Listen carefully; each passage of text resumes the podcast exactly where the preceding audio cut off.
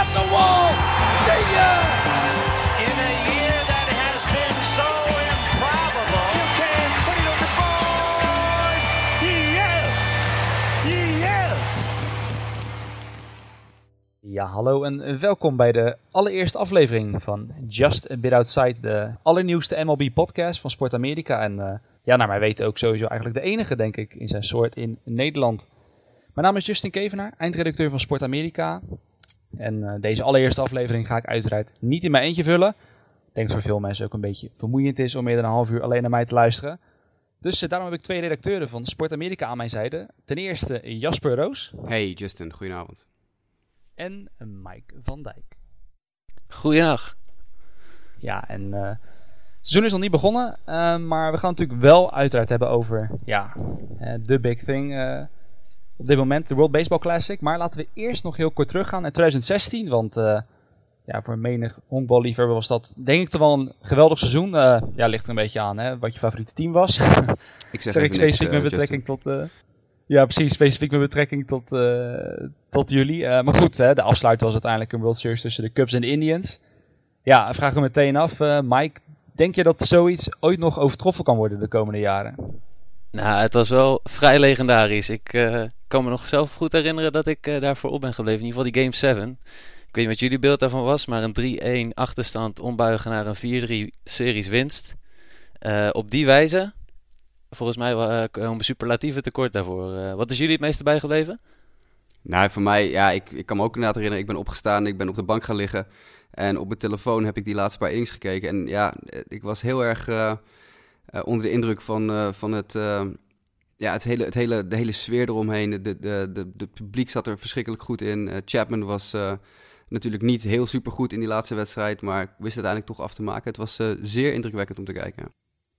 Ja, en, Ja. en sowieso ook gewoon de, de wijze hoe die wedstrijd gemanaged werd. De weersomstandigheden. Twee teams die allebei al lang niet gewonnen hadden. Ja, wat wil je nog meer als, als een knoping van, eh, van zo'n seizoen? Eh, ja, ik, ik denk zelf, maar dat is... eh, ja, Epstein heeft zichzelf echt bewezen als een van de grootste GM's aller tijden. Eh, ik weet niet wat jullie beeld daarbij is. Nou, dat, dat, ja, ik denk dat dat wel een beetje... ja, voor mij het wel bij te kuis staat. Ik bedoel, hij heeft maar liefst twee vloeken doorbroken. Lijkt me toch wel redelijk groots, of niet? Ja, die, die man ja. weet gewoon de juiste mensen om zich heen te verzamelen. Dat is ongelooflijk. Hij heeft natuurlijk heel veel inzicht in, eh, in het reilen en zeilen van een Major League team. Hij is al zo jong begonnen.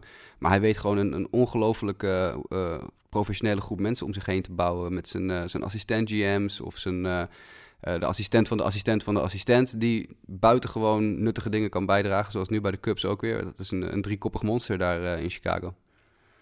Ja, nee, zeker. En ik heb zelf ook eh interview nog geluisterd met Dan Herron. Die was toen net het jaar daarvoor, in 2015, eh, bij de Cubs.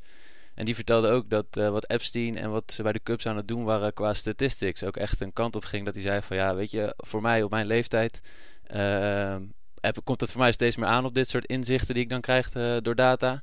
Maar dat de Cubs echt next level daarmee gaan. En ik, ik denk dat ze dat ook voor een groot deel wel geholpen heeft om, om de titel te halen. Dus nee, ik, ja, je hoopt dat dit, dit seizoen net zo goed wordt. Ja, denk je dat ze repeaten, eh, Mike? Ik denk wel serieus dat in de NL de Cubs wel eh, team to beat zijn. Al hebben ze wel een enkele speler verloren. Eh, maar ik vind ze nog steeds wel een heel sterk team hebben voor komend seizoen. Ja, ik ben, ook, ik, ik ben er ook bang voor. Het, het ziet er echt indrukwekkend uit eh, in Chicago nog. En ze kunnen nog jaren vooruit. Want ook eh, niet alleen het Major League team is, is buitengewoon eh, goed bezet. Maar ook eh, voor geval van nood in de minors eh, stikt het van het talent eh, voor de Cubs. Dus dat kan nog wel eens een heel interessant jaar worden. Ja, Ja. En, eh, ik moet zeggen, ja, ondertussen hoop ik vooral op de Mets hoor. Dat is eh geheel objectief trouwens verder. Maar eh, hè, ik bedoel, die Mets die zijn er toch ook een paar keer heel dichtbij gekomen. Maar eh, ja, om dan, eh, we hebben het er nu over de World Series gehad. Maar goed, hè, de Cubs winnen dan. Wat je natuurlijk dan krijgt, elk team in de Major League gaat kijken naar hoe hebben de Cubs in een paar jaar dat hele roster omgebouwd. En eh, ja, eigenlijk omgebouwd dus tot een winnaar. Hè? Teams willen het allemaal na gaan doen. eh, teams gaan druk in de weer eh, tijdens de offseason. Hoop trades dus. Ehm, ja, wat vinden jullie een beetje, laat ik dan bij jou beginnen Jasper. Wat is ja, naar jouw idee de move van het afgelopen offseason eigenlijk? Nou ja, ik denk dat we daar heel, eh, heel kort en duidelijk over kunnen zijn. Eh, de Boston Red Sox die eh, het ongelofelijke voor elkaar krijgen. En Chris Sale, een van de allerbeste werpers in de American League. Misschien wel in de majors bi- binnen weten te halen. ja, in ruil voor een enorme hoeveelheid uh, prospects. Het pakket is, er is over geschreven op Sport Amerika. Er is in alle media is er behoorlijke aandacht aan besteed. Uh, Johan Moncada, de Cubaanse superster in wording. Uh, die nu van de Red Sox naar de White Sox gaat. En met hem Michael Kopech, die afgelopen seizoen in de Arizona Fall League 105 mijl per uur gooide. En daarbij nog Luis Alexander Basabe, een getalenteerde outfielder. En een wat onbekendere reliever, Victor Diaz, die ook 100 mijl per uur gooit. Het is een ongelooflijk pakket aan prospects dat Dave Dombrowski van de Red Sox heeft moeten betalen om Chris Sale te krijgen. Maar ja, dan heb je wel Chris Sale. En dan ben je wel even in één klap misschien wel World Series favoriet. Want die rotation nu met Cy Young Award winnaar Rick Porcello, David Price en Chris Sale bovenaan als 1, 2 en 3 ja, dat, daar wil ik geen three-game series mee beginnen als ik een tegenstander van de Red Sox ben. Doe me denken aan de, aan de Phillies een paar jaar terug, hè?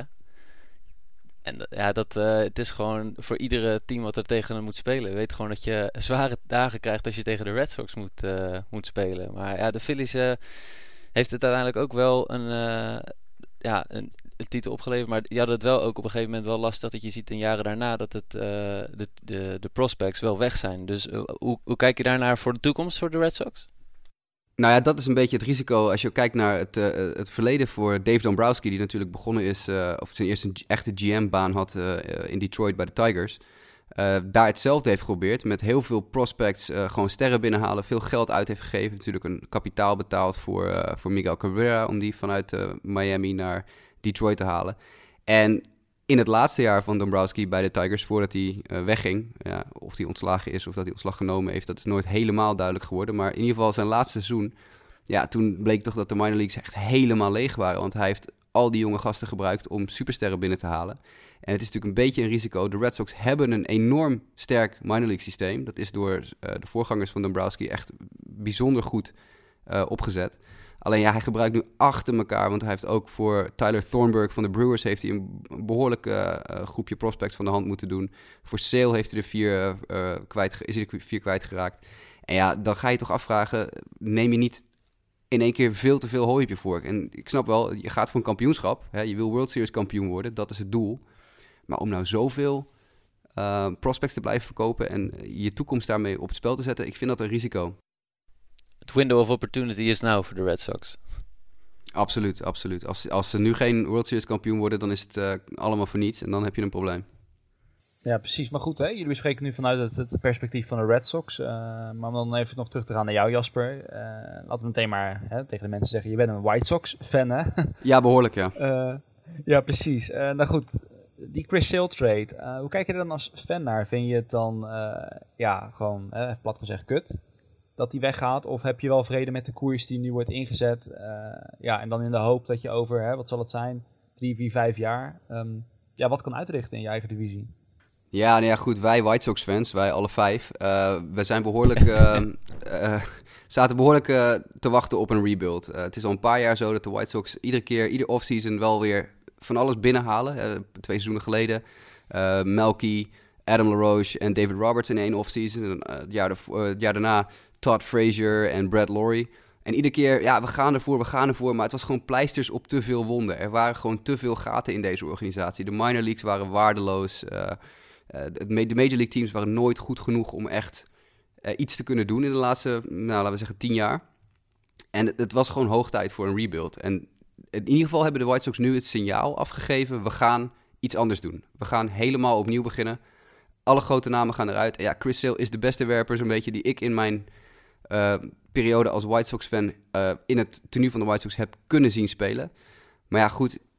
Uh, hij ging het toch in Chicago niet winnen. De World Series de komende paar jaar ga je hem niet winnen. En dan kan je maar beter gewoon ja, incasseren wat je kan krijgen voor zo'n zo'n jongen. Dus ik kan me goed voorstellen dat GM Rick Hahn gezegd heeft van... jongens, het wordt tijd om afscheid te nemen van Chris Sale. En later, ook nog twee dagen later, van Adam Eaton. Dat ook een, die werd ook gezien als building block van de komende paar jaar. Maar ja, als je niet, als je niet competitief bent, als je niet gaat winnen, dan heeft het ook geen zin om die, eh, die sterren in je, in je team te houden. Dan kan je beter de toekomst uh, een beetje meer vorm gaan geven. Ik, uh, ik kan me er wel in vinden als, uh, als fan. Ik ben er wel klaar voor. Ja. Nee, vorig seizoen was... Nee, ga je gang, Mike. Vor, ja, vorig seizoen was er toch ook nog de, uh, het issue met Chris Sale met het, uh, het retro tenue wat hij niet uh, weigerde aan te trekken. Ja, heeft dat denk je ook nog een rol gespeeld dat ze hem weg wilden hebben eigenlijk uit Chicago? Nou ja, Chris Sale is wel een beetje een heet hoofd gebleken de laatste paar jaar. Hij heeft, een heel klein beetje. Ja, hij heeft een paar keer al ruzie gehad met, met Kenny Williams toen die nog GM was bij de White Sox. En hij heeft natuurlijk inderdaad een situatie gehad waarin hij de, de kant koos van Adam LaRoche. Dat, in die hele, dat hele drama rond LaRoche vorig jaar tijdens spring training, waarin ineens alles iedereen ruzie met elkaar had.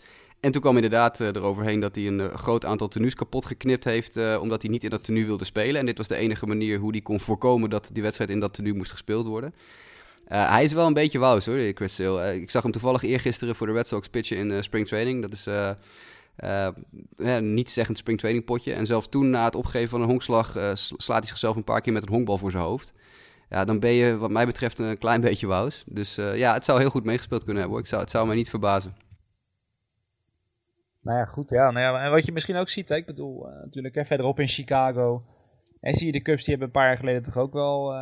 ik bedoel, wat ik me er dan vaak nog van kan herinneren in het verleden, dat was ook vaak zo'n team dat dan maar... Hè, toch weer wat binnenhaalde. Ja, maar zeker. in de hoop dat het iets zou worden. Ja. Ze zijn helemaal opnieuw begonnen. Ja, ik denk dat dat is wel een beetje tendens in alle Amerikaanse sporten. Hè? Um, vaak de beste optie is gewoon, ja, als je er dan niet bij hoort, ja, begin maar gewoon helemaal opnieuw. En uh, ga even gewoon twee, drie jaar, uh, ja, dat je gewoon onderaan staat. Maar uiteindelijk, ja, pluk je er wel de vruchten van. Want dan kan je die sterren binnenhalen. Uh, nou ja, in MLB via prospects, andere leagues, vooral heel erg de draft picks. Ja, het is misschien toch de manier om verder te gaan. Maar ehm, ja, goed, er zijn toch teams die het dan toch hè, via free agency uh, proberen. Um, maar ja, qua, qua, spektakel, ik vond het dit jaar wel meevallen. Wat vonden jullie ervan? Ja, ik, uh, ik, ik ben het uh, met je eens. om maar heel plat te zeggen, volgens mij zijn er heel weinig deals met heel veel geld. Vergelijkbaar als de Zack Greinke deal de offseason daarvoor geweest. zijn we de 100 miljoen één keertje overgegaan denk alleen met Cespedes, die uh, geloof ik voor, vier jaar 110 miljoen heeft getekend. Dus ja, dan valt dat gezien wel uh, op zich mee. Maar ja, er waren wel grote namen op zich beschikbaar op de markt. Uh, om er maar twee te noemen, de boys van de Blue Jays, Jose, José Bautista en Edwin Encarnacion. Ja, Bautista die tekent bij bij de Jays. geeft denk ik de Jays nog steeds hoop dat ze een playoff push kunnen maken. Maar ja, het vertrek van Encarnacion naar de Indians is denk ik toch wel eentje die ze wel gaan voelen in Toronto. Wat denk jij, Jasper? Ja, absoluut. Uh, het is een, een steal van een deal geweest voor de Indians hoor. Encarnacion heeft voor relatief weinig geld uh, in Cleveland getekend. Maar dat is echt dat is een stevige bet hoor, die je even kwijtraakt uit je line-up. Want Encarnacion is natuurlijk een ontzettend constante factor geweest in die Blue Jays line-up. En dan natuurlijk, de Blue Jays hebben zijn vertrek proberen op te vangen door Kendrys Morales van de Royals als free agent binnen te halen. Maar ja, is Morales Encarnacion? Nee, niet bepaald. Nee, is zeker wel een, eh, een, een, een klasseverschil uh, als je het mij vraagt. Ja, absoluut. Ja, en, en verder uh, zie je toch wel, uh, vooral de relievermarkt waren wel bewegingen. zo tekende Chapman weer bij de Yankees. toch wel enigszins, ja, de Yankees waren fan van Chapman, dus ze wilden hem ook graag terug hebben. Maar ja, ze hebben er wel een bepaald prijskaartje voor moeten betalen. Goede deal? Ja, goede deal, tuurlijk. Chapman is een van de beste relievers, misschien wel de beste reliever in Amerika. Ja, ze hebben een vermogen voor hem betaald. Wat was het? Vijf jaar, 80 miljoen geloof ik. Nog nooit zoveel betaald voor een, uh, voor een reliever. Maar 86. Als je dat, hier, hoppakee, 86. Maar als je dat dan ook vergelijkt met... eerst vorig seizoen verkopen de Yankees Chapman voor onder andere Gleyber Torres van de Cubs... Torres is een ongelooflijk talent. Dus niet alleen hebben de Yankees dankzij Chapman uh, weer een aantal echt super prospects, echt potentiële supersterren binnen weten te halen. Maar ze hebben ook gewoon de financiële middelen om aan het eind van het seizoen gewoon het meeste geld te bieden. Hij wilde graag terug naar New York. Dus ja, win-win voor iedereen. Goeie deal. Ja, het is ook gewoon een, een, een boelpen met, eh, ik bedoel, met Tenses, Chapman. Ja, daar heb je wel gewoon een goede, goede lok op de deur aan het einde van de wedstrijd zitten ja, het is alleen jammer dat, en dat op zich voor Yankees fans, hè, dat Miller er niet meer is. Want ik bedoel, dat was vorig jaar natuurlijk wel, uh, ik denk misschien wel een van de meest bizarre reliever trio's die je in de recente jaren hebt gezien. Ik bedoel, dat was, uh, ja, het, is dat de Yankees niet genoeg firepower hadden om uiteindelijk echt mee te doen. Maar dat was wel een, een bizarre trio. Maar goed, ik vind wel Chapman, ja, die past toch wel echt in New York. Ik bedoel, hè, als, als reliever die het hardst gooit van iedereen. Ik hou ervan. Die hoort daar gewoon thuis, vind ik. Ja, lekker flamboyant figuur ook. Dat, uh, dat, Ja, ja, dat, past goed in een grote mediamarkt als, uh, als New York, absoluut. Precies, en uh, je noemt net inderdaad die drie toen ze allebei New York speelden. Vorig jaar heb ik dat gelukkig zelf ook kunnen zien. Uh, toen, ze, toen ze tegen de Diamondbacks speelden. Maar ja, dat, is, uh, daar was toen ook inderdaad voor de Diamondbacks die wedstrijd uh, in die drie innings niks tegenin te brengen. Gewoon compleet gezien. Dus, uh, maar ja, starting pitching blijft nog wel een dingetje in New York, denk ik, uh, het komende, komende seizoen. Ze hebben toch uh, naast de eerste drie mannetjes die er dan staan. Ze verwachten Pineda's, uh, Sabathia en Tanaka. Tanaka die gisteren dus de, een, uh, een no-hitter gooide uh, in spring training. daarna is het best wel open wie daar eigenlijk de supporting cast van gaan zijn. Ja, dat wordt Ja, een interessant nee, nee. punt. Maar ja, dat, je moet maar even afwachten. Uh, je weet nooit wat voor moves er nog komen. Uh, het, het, blijft uh, interessant wat dat betreft als je het over off-season deals hebt. Jose Quintana, er wordt natuurlijk ontzettend veel gepraat. En de Yankees zijn wel een van de teams die naar verluid heel veel interesse hebben in Quintana. Dus wie weet ja, gaan ze uiteindelijk toch besluiten om die, die lefty toch maar even binnen te halen. En dan heb je natuurlijk een heel ander plaatje in New York. Want dan haal je toch wel een van echt een top 20 werper binnen. En dan zijn de Yankees ineens weer uh, veel meer in de running voor die hele moeilijke AL East.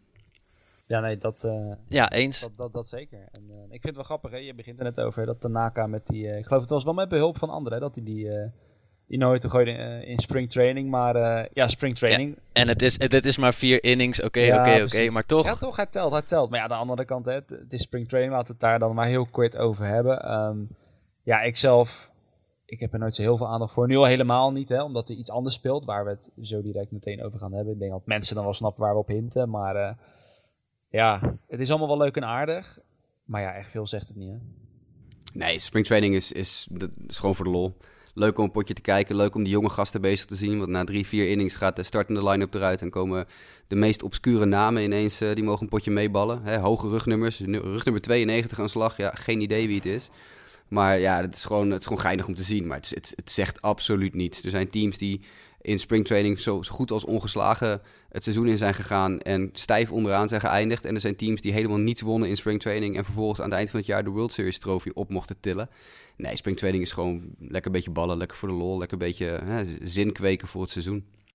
Het grappige vind ik altijd wel dat je eigenlijk de, uh, zodra mensen uh, positief presteren in springtraining, uh, is het eigenlijk van oké, okay, het is maar springtraining. Maar als er negatieve signalen zijn, dan wordt het toch altijd wel interessant om te zien of daar dan echt iets achter zit. Ja, Een blessure, een mentaal uh, niet klaar voor het komende seizoen. Dat is dan wel weer de grappige uh, ja, iets van, van springtraining. Ja, zeker. Ja, dat is erg opvallend inderdaad. Ja. Ja, en je ziet ook vaak met betrekking tot uh, fantasy baseball dan. Ik kan me nog herinneren, ik ben even zijn voornaam kwijt, maar dat was geloof ik jarenlang een derde honkman. Die heette Fox van zijn achternaam. Die, die had dan tot, tot, tot vier, vijf jaar geleden had hij echt in spring training belachelijke uh, hitting numbers. En gewoon weet je dat hij gemiddeld 400 sloeg, uh, meeste home runs voor iedereen. Ja, hij was gewoon een, een journeyman, derde honkman. En dan was er elk jaar weer van ja, ja, misschien dat je toch rekening met hem moet houden dit jaar. Nou, na een maand was hij alweer uh, in AAA of toen was hij weer gereleased. Ja, het geeft me aan ook al die cijfers. Het, ja, het zegt vrij weinig. Ik bedoel, het is leuk inderdaad. Maar ja. Spring training, all future and no past. Ja, zo is het, zo is het. De hoop, hè. Dus Precies. de, de, de, de, hoop voor het nieuwe seizoen. Dat is waar springtraining uh, heel goed voor is. Voor fans en voor spelers. Hè. Sfeer creëren in een team, elkaar leren kennen als je nieuwe spelers in je team hebt. Maar het is inderdaad, aan de statistieken hoef je totaal geen waarde te hechten. Nee, precies. Maar goed, hè, niet, ja, niet iedereen is bezig aan springtraining. Want er zijn wel de nodige spelers die wel, uh, ja, die toch wel om serieuze prijzen aan het spelen zijn. Dan hebben we het natuurlijk over de World Baseball Classic. Um, ja, Kingdom of the Netherlands, zoals we het dan mooi noemen, deed eraan mee. En ja, het is natuurlijk niemand ontgaan die honkbal volgt. We zitten bij de laatste vier. Ja, ik mag er wel we zeggen, hè. Toch een beetje... Uh, moet er wel trots zeker, op zijn. Zeker, Beetje ja, we zitten bij de is laatste ons vier. niet, uh, is ons niet ja, gek, nee. precies, precies. En ja, hadden jullie dat verwacht van tevoren? Uh, verwacht? Uh, ik had er wel echt best wel veel hoop op dat we, dat we het zouden kunnen evenaren. Maar ik vind het feit dat we weer bij de laatste vier zitten. Ja, ik, vind, ik ben echt super trots. Echt uh, goede prestatie, nu al. Ik vind het vooral echt, echt genieten tot nu toe. Het hele toernooi hoor, sowieso. Maar dit, dit Kingdom team, dit, dit Nederlands team, presteert echt geweldig goed. verwacht? Nee. Gehoopt? Zeker wel. Ja, absoluut. Ja, ja ik, ik wil jullie mening trouwens, want moet ik wel zeggen, want toen ik, uh, als we heel kort terugkijken, want we begonnen die pool met Israël, Zuid-Korea en Taiwan, of Chinese Taipei, zoals ze daar dan zeggen. Ehm, ja, moet ik zeggen, toen ik zag dat Israël die eerste won van Zuid-Korea, toen dacht ik wel van, hè, als Israël wint van Zuid-Korea, ik, ik weet niet. Ik, eh, ik had zelf in ieder geval in gedachten dat Zuid-Korea wel de grootste concurrent zou zijn van, eh, van Nederland in die pool. Dacht iedereen denk wel, maar goed, Israël of ja, misschien kunnen we het beter Amerika B noemen. ja, Eh, zeker weten. Die ja, dat is misschien nog wel grappig om te benadrukken. Ik bedoel dat, eh, ja, het Israëlische team, ik bedoel, eh, er zit wel geteld geloof ik eh, één speler in die ook echt in, in Israël geboren is. Ja, dat klopt. Het is allemaal ja, een oma die uit Israël komt, of een Joodse, Joodse tante, of weet ik veel. Het is allemaal vaag wel gelieerd aan Israël. Maar inderdaad, volgens mij heeft van dit team eh 99% nog nooit een stap in Israël gezet. Volgens mij is dat veel, vrij vergelijkbaar met wat hadden we Griekenland, eh, dus de Olympische Spelen in 2004 in Athene. Was ook in één keer zo'n team dat dan één toernooi in één keer heel veel eh, Grieken had.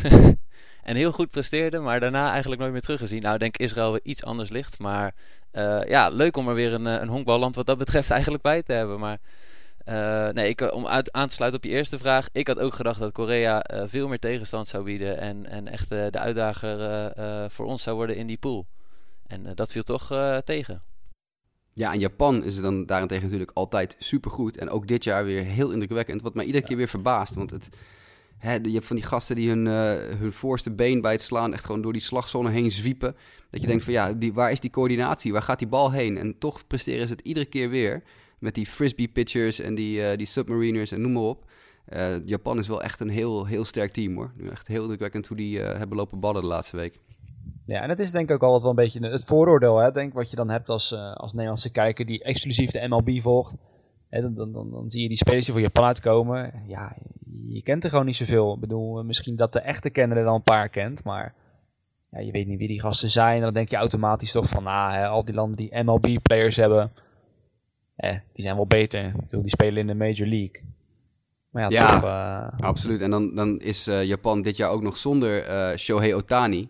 Eh, ik weet niet wat de naam is die heel veel mensen wel eens gehoord hebben. Maar Shohei Ja. Otani is zo'n beetje ja, de nieuwe superster in de Japanse eh, competitie. En een two-way player. Dus zowel een, een ongelooflijk goede werper als een verschrikkelijk goede slagman. Hij doet ook beide in de Japanse league. En ja, die was licht geblesseerd vlak voor de, het toernooi. En heeft uiteindelijk geen toestemming gekregen om mee te doen aan het toernooi van zijn team. Hij speelt inmiddels wel weer in de Japanse competitie.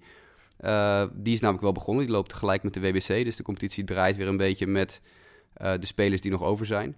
En daar is hij alweer eh echt hele bizarre dingen aan het doen. Echt super verre homeruns aan het slaan. En die Shohei Otani die gaat over een paar jaar ook wel die sprong naar de Major League maken hoor. Absoluut.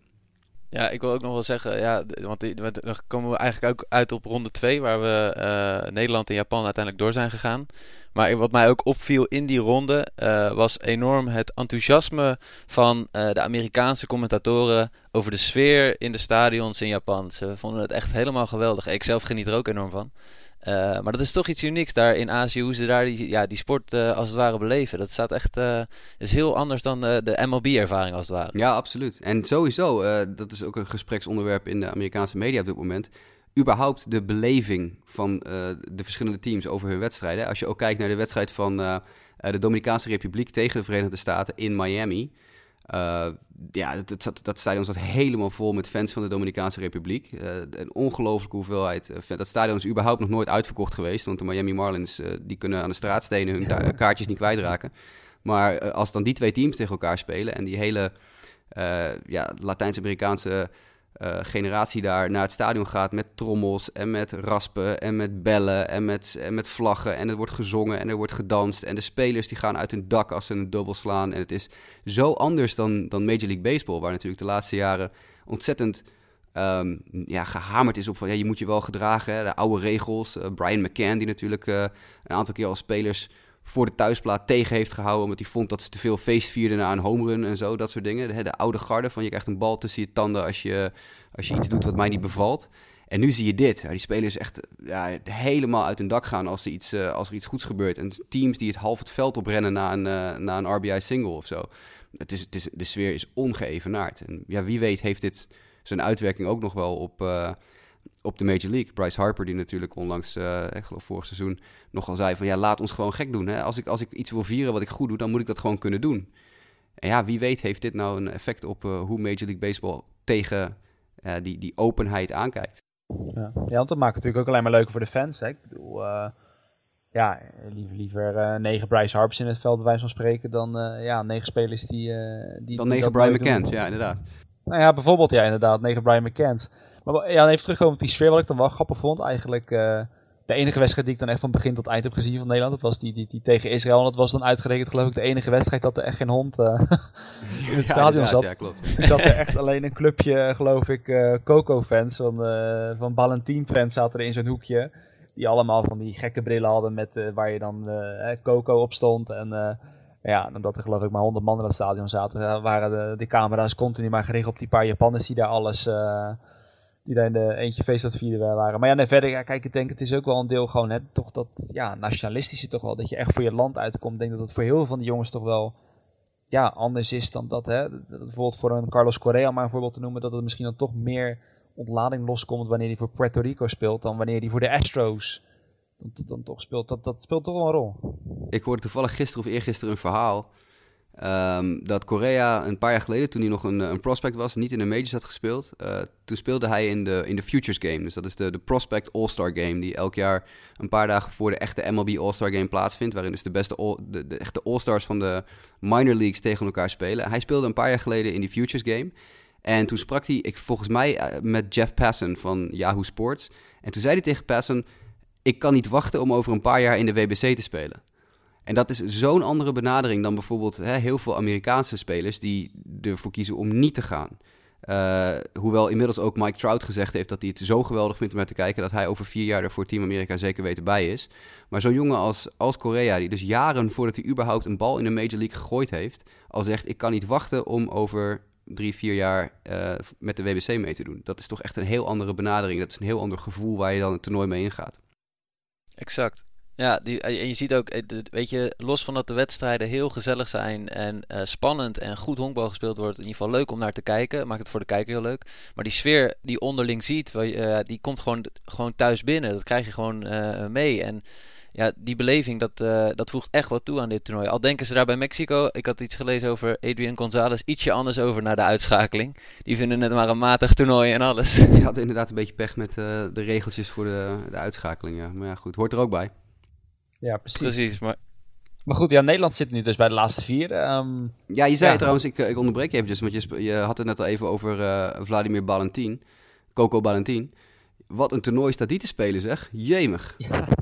ja, nee, ik zag die statistieken inderdaad voorbij komen. Hè. Ik bedoel, laten we maar meteen even, even erbij halen momenteel. Eh 22 at-bats.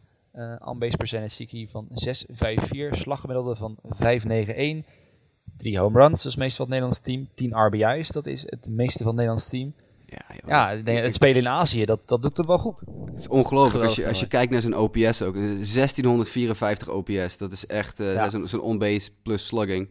Dat is echt, eh, alles wat hij raakt, het knalt echt van zijn knuppel af eh, tijdens het toernooi.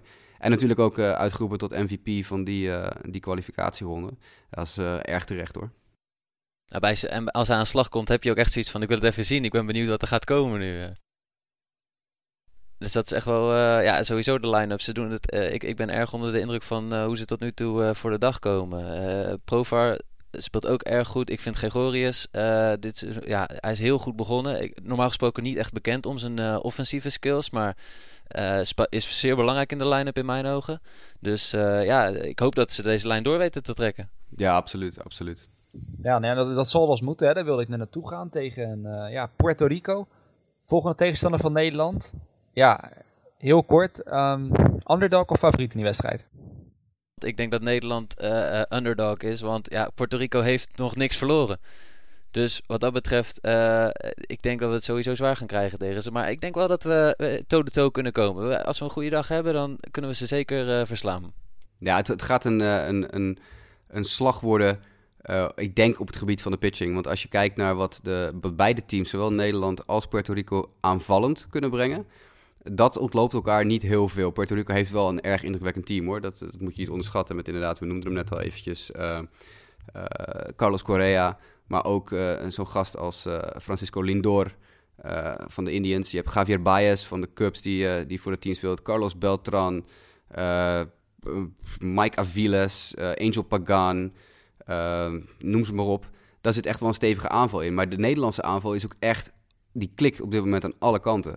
Alleen als je naar de pitching kijkt, ja, het was bij het ingaan van het toernooi voor Nederland al een beetje de vraag: gaat deze pitching over de hele linie goed genoeg zijn om, om het team naar de volgende ronde te dragen? En ja, als je dan tegen een team moet waar eh, jongens als uh, José Berrios en José de Leon, ehm, JC Romero, Hector Santiago en, en Seth Lugo en zo voor gooien. Ja, dat is toch misschien net even iets te veel gevraagd om, om voor onze pitching om daarmee gelijk op te kunnen gaan. Maar ja. ja, het is honkbal. We hebben het gezien van de week. Hè? Colombia dat uh, op het punt stond om de Dominicaanse Republiek uh, uit te schakelen. Uh, Colombia dat ook nog zijn notabene de Verenigde Staten vijf en twee derde innings no-hitten. Dus ja, het is honkbal. Alles kan. Klopt, klopt. Ja, precies hè. Zegt al vaak hè. Bal is rond. Nou, in dit geval negen innings. ja, Alles kan gebeuren. En uh, Kenley komt erbij. En ik bedoel, we gaan naar Dodger Stadium. Ik denk, het droomscenario. Terwijl iedereen zou het er wel zijn hè Spannende wedstrijd, nipte voorsprong en dan, achtste, negende inning, gewoon uh, Kenley erin. Ja, dat is lights out. Dat is waar je op hoopt. Dat is waar je op hoopt. Die Kenley, diezelfde Kenley die natuurlijk daar nu ook inderdaad uh, afgelopen winter zijn contract verlengd heeft. Uh, voor vijf jaar. Dus inderdaad, ja, ik, ben, ik, zit, ik zit het scenario wat je schetst, ik zit erop te wachten. Ja, en anders misschien, hè. Ik bedoel, ik weet niet of de Dodgers daar al te blij mee zouden zijn. Maar ja, je desnoods gewoon al in de zesde erin gooien of zo. Of, Kijk. Ja, als je voorstaat, als, je voorstaat, precies. Als het nodig is, als je voorstaat. Doel heiligt de middel hoor. Let's go. Nou ja, daarom. En dat, dat dan kom je een beetje terug op die strategie. Wat natuurlijk heel op begin in de World Series. Hè. Kijk, de, de klassieke benadering is altijd dan hè, het honkbal. Uh, hè, van, hè, je bewaart hem tot de negende inning. ik denk dat uh, Buck Showalter van de Orioles daar nog wel eens uh, nachtmerries van krijgt. Closer bewaart tot de negende inning. Ja, ja. Maar, Zeker. ja, nee, inderdaad, wat je zegt. Ik bedoel, ja, als je Kenley Jensen in je team hebt, wanneer het nodig is, moet hij erin komen. Ja, absoluut. Zeker. Nou ja, goed. Ja, en uh, ik bedoel, verder is het nog gissen, want uh, op het moment van opnemen weten we nog niet of, uh, nou ja, goed, Japan is natuurlijk door. Of ja, de United States of America of ja, de Dominicaanse Republiek doorgaat. Bedoel, dat, dat wordt nog een potje. Ja, helaas is dat nu dus nog niet gespeeld, terwijl we bespreken. Um, ja, als je van deze vier teams nu echt een winnaar zou moeten uitzoeken. Um, Jasper, wie denk jij wie er dan gaat winnen? Ja, ik, ik, voor het toernooi koos ik vrij snel voor de Dominicaanse Republiek. Want dat team is, dat is ongelooflijk van echt top to bottom. Echt heel erg, heel erg sterk. zowel de pitching als de aanval is echt ja, van, van all-star kaliber. Maar ja, goed, ja, wat je zegt, op dit moment, we zitten nu een paar uur voordat het, de, wedstrijd tussen Amerika en de Dominicaanse Republiek gespeeld wordt als de Dominicaanse Republiek verliest van de Verenigde Staten, dan liggen ze uit het toernooi. Dus ja, dan kan ik ze ook moeilijk kiezen. Als de Dominicaanse Republiek doorgaat, zeg ik Dominicaanse Republiek. Als zij dat niet redden, dan gaat het komen uit de. Ah, doe eens gek, Puerto Rico. Ja, dat is. Uh, wat betreft Dominicaanse Republiek sluit ik me helemaal bij je aan. Uh, daar kan ik, kan ik, maar ik denk toch, ja, Japan heeft zich wel bewezen. Dus ik denk dat ehm, als, als de Dominicaanse Republiek doorgaat, dat ze een hele kluif nog wel gaan krijgen aan Japan. En Japan heeft het alles eerder gedaan. Dus ik denk dat ze. Ik, ik geef Japan wel een goede kans. Japan, denk ik. Ja, ik moet zeggen, daar is ook meteen aan te denken. Ik bedoel, we kunnen nu wel heel chauvinistisch meteen Nederland naar voren schuiven. Het zou voor het verhaal natuurlijk hè, voor ons prachtig zijn, maar ook wat betreft Kenley Jensen. Hè, stel dat hij in die finale zou beslissen in Dodger Stadium. Ja, het is in principe qua verhaal het perfecte verhaal. Maar ja, Japan, het, het is gewoon, ik had het er net over, gewoon zo'n team wat denk iedereen heel snel vergeet. Ik bedoel gewoon niet alleen wij, maar ook hè, vooral uh, mensen in Amerika. Hè, die, bedoel, die kijken alleen maar naar de Major Leagues. Kennen dat Japanse team eigenlijk niet. Ja, men weet wel dat men daar op goed niveau honkbal speelt. Maar ja, die, zijn al die gasten. En toch winnen ze elke keer maar weer gewoon de potjes die ze moeten winnen. Dus ja, ja zeer onderschat denk ik. Ja, ik bedoel, de, de andere teams hebben wel de grote namen die iedereen kent van de televisie. Maar ja, wie zegt dat ze als team ook dan ook echt beter zijn dan Japan? Ik, uh, ik zie Japan nou echt als ik, uh, de grootste kans hebben, denk ik.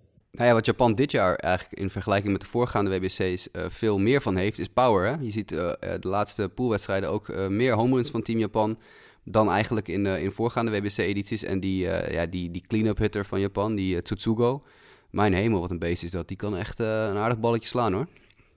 Maar ja, laten we vooropstellen, we, we, hopen wel allemaal, neem ik aan, dat, ja, dat Nederland het toch op de ja, een of andere manier wel. gaat lukken. Ja, tuurlijk, uiteraard. uiteraard. Maar ja, eh, don't jinx it, hè. Dus, nee, uh, precies. Huh? Dus laat maar gewoon zeggen van, het, het, wordt niks tegen Puerto Rico. En uh, nou ja, dan moet ik vast helemaal goed genoeg, denk ik. Precies. Maar goed, ja, de World Baseball Classic, ja, wordt dus ja, razend spannend hoe dat, hoe dat af gaat lopen. Um, nou goed, We hebben het hier nog staan op ons mooie schemaatje wat we hier hebben. 2017, daar gaan we het in de komende week natuurlijk verder over hebben. Want ja, nu ligt de focus eigenlijk vooral op het, uh, op het WBC. Tegelijkertijd ja, komt het aankomende MLB-seizoen er wel uh, alweer aan. Dan hebben we op Sport Amerika ook de mooie 30 in 30. Waar wij uh, nou ja, alle drie, doen we niet met z'n drie alleen, doen we met, ook met heel veel andere redacteuren van Sport Amerika. Beetje variatie erin. Dan hebben we alle verschillende teams door. ja, wat hebben ze gedaan? Wat, ja, is hun vooruitzicht op komend seizoen? Waar moet je op letten? Et cetera, et cetera. En, want ja, als één ding vaststaat, dan wordt het in 2017 waarschijnlijk weer heel onvoorspelbaar. Heel veel voorspellingen zullen weer niet uitkomen. Zoals uh, jaarlijks het seizoen is. maar goed, om dat toch nog heel even kort te doen. als je één zeg maar, bold prediction nu zou moeten doen, dan begin ik wel bij jou, Jasper. Um, wat zou die dan nu zijn voor 2017? een bold prediction. Ehm, dat moet dus iets zijn wat niet voor de hand ligt. Ja, precies. Dan zeg ik dat. White Sox World Series? nee, dat gaan ze helaas niet redden. We gaan voor, uh, gaan voor de nummer 1 pick in 2018. We gaan voor het laagste, het laagste record in de majors dit jaar. Uh, nee, dan zeg ik dat de Milwaukee Brewers gaan verrassen dit jaar. Misschien dat ze de playoffs niet halen, maar het zou me niet verbazen als ze ineens in de wildcard mee kunnen gaan doen. Dat team, dat was echt... ja, zou best goed hebben moeten zijn vorig jaar. Dat ging helemaal niet door. Hebben natuurlijk een aantal goede spelers verkocht inmiddels. Een soort van mini-rebuildje begonnen. Maar de Brewers hebben zo'n ontzettend goed uh, minor league systeem. En die zijn zo ontzettend. Uh, de, top 5 van de jongens zijn, zijn klaar voor de major leagues. Uh, Will Brinson bijvoorbeeld, outfielder, die staat op dit moment in springtraining echt alles over de hekken te slaan. Um, Josh Hader, linkshandige werper, die vergelijkingen trekt met Chris Sale qua stuff. Ik, ik zeg dat de Milwaukee Brewers gaan verrassen dit, dit seizoen. Ja, dat is een, uh, een, een, bold prediction. Uh, een bold, ja, precies. precies. Een bold prediction. De andere kant op zou bijvoorbeeld zijn dat de Cubs de playoffs niet gaan halen. Ga ik me niet aan wagen. Zo. Ga ik me niet aan wagen. Nee, nee ik denk, uh, ik ga naar de, de, de AL West. En dan, dan denk ik dat de Houston Astros dit seizoen ver gaan komen. En laten we zeggen dat ze de, de ALDS gaan winnen. Ze gaan de World Series halen. Hmm. Ja, dat uh, zou kunnen. Ja, toevallig, uh, dat vind ik ook. Ja. Toevallig komt morgen, geloof ik, morgen, we nemen dit op uh, zaterdagavond op. Op zondag komt Houston Astros 30 in 30 tevoorschijn. En volgens mij kan ik alvast vertellen dat daar hetzelfde in staat. Kijk. Maar goed, om het dan misschien nog wat bollen te maken. Ik blijf ook in de AL West. Ik zat wel even aan de Astros te denken. Maar ja, laat ik zeggen, dan moet ik hierin zeggen, ik ben niet geheel objectief. Ik bedoel, ik ben allereerst Mets-fan, maar aangezien ik in de NFL, het American Football fan ben van de Seahawks, ligt mijn loyaliteit soms ook een beetje bij sporten in de Seattle-regio.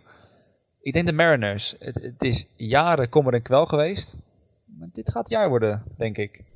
Niemand gaat het weer verwachten. Iedereen denkt, ah, dit zijn weer dezelfde Mariners. Eh, die worden waarschijnlijk derde of vierde in de divisie leuk, maar niks boeiends. Ik denk dat ze de playoffs gaan halen. Dit, dit, dit, dit Normaal gesproken zijn de verwachtingen altijd super hoog in Seattle. Ja, maar daarom. Ik denk daarom dan juist dat inmiddels bij mensen, zoals de meest optimistische Seattle-fan, nu al zoiets heeft van ja, weet je, we kunnen er wel op hopen, maar gaat toch niet gebeuren. Maar dit, dit jaar gaat het gebeuren. Nou, ze hebben in ieder geval de trofee voor, uh, voor meeste off-season trades al gewonnen. Ik geloof dat uh, sinds november de Mariners 28 uh, spelerdeals hebben gemaakt. Ja, ja die prijs kan je maar beter binnen hebben. Ja, precies. ja, dat zeker, dat zeker. Maar goed, dan nog, ik moet wel zeggen, dat het ding dat ik het dan zeg, er zit wel meer een idee achter, lijkt het althans naar mijn mening, dan dat er voorheen achter zat. Ik weet nog met uh, de oude general manager, om daar dan nog heel kort uh, over te beginnen, Jeff Zderenjik of zoiets. Ja, Jack. Jack, Jack, Jack Zderenjik. Jack Z was het ja, ja. Jack Z, ja. Precies. Ja, die, die, die, had af en toe moves. Ik bedoel, die leefde er nog in het stenen tijdperk, zeg maar. Die, die wist ook geloof ik niet eens wat on-base percentage inhield, dat soort dingen. Dus nou ja... Maar goed, uh, dat terzijde. Nou goed, Seattle Mariners. Uh, Oké, okay, ik ga niet zeggen dat ze World Series gaan winnen, maar laten we ook ALDS zeggen. Hè? Laten we bold zijn.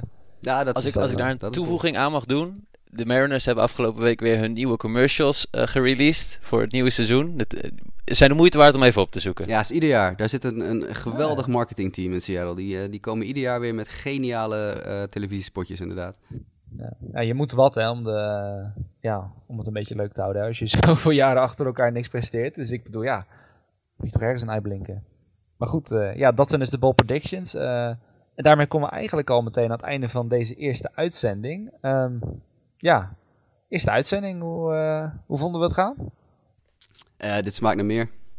Zeker, Daar sluit ik me nou, bij aan. Nou, kijk. Laten we dat er maar gaan doen. Hè. Uh, ja, wat betreft die ball predictions. Hè. Misschien meteen een leuke aanleiding. Hè. Stel dat jij nou ook zelf iets hebt van... Uh, ik ben het er helemaal mee eens. Of heb jij een andere hele leuke ball prediction? Eh, laat het vooral weten. Kan via Sport Amerika. Kan ook via onze persoonlijke Twitter-handles. Ehm, die van mij is @jwkev. Uh, ik weet die van jullie niet uit mijn hoofd. Dus moeten jullie misschien zelf even zeggen. Beginnen met Jasper. Uh, JasperNL en dan twee R'en aan het eind van Jasper. En die van mij is mdijk90. Nou, kijk, dus uh, als jullie een ball prediction naar een van ons of naar ons alle drie willen sturen, dan kan het gerust via Twitter. Uh, ja, verder, er zou eigenlijk nog een vierde man bij zijn. Uh, Lionel Stuten. Ja, we moesten even oefenen op zijn naam, daar hebben we lang over gediscussieerd. Maar die, ja, die is er hopelijk vanaf de volgende keer ook bij. Dan zijn we dus met een team van vier man, waarin we wekelijks alles gaan bespreken wat er in de MLB speelt. ik denk volgende keer zal het nog steeds wel een beetje over de WBC gaan. Zeker, ja. Uh, daar zal nog steeds focus op liggen. En ja, daarna is het nieuwe seizoen daar. Dus dan gaat daar volledig de focus op. Uh, wil ik jullie in ieder geval hartstikke bedanken. Zowel Jasper als Mike. Jij ook bedankt. Yes, graag gedaan. Dat is mij ook een waar genoegen. En uh, ja, nogmaals, als jullie vragen hebben, suggesties, laat het allemaal weten via social media, via Twitter. En dan zien we jullie graag tot de volgende keer.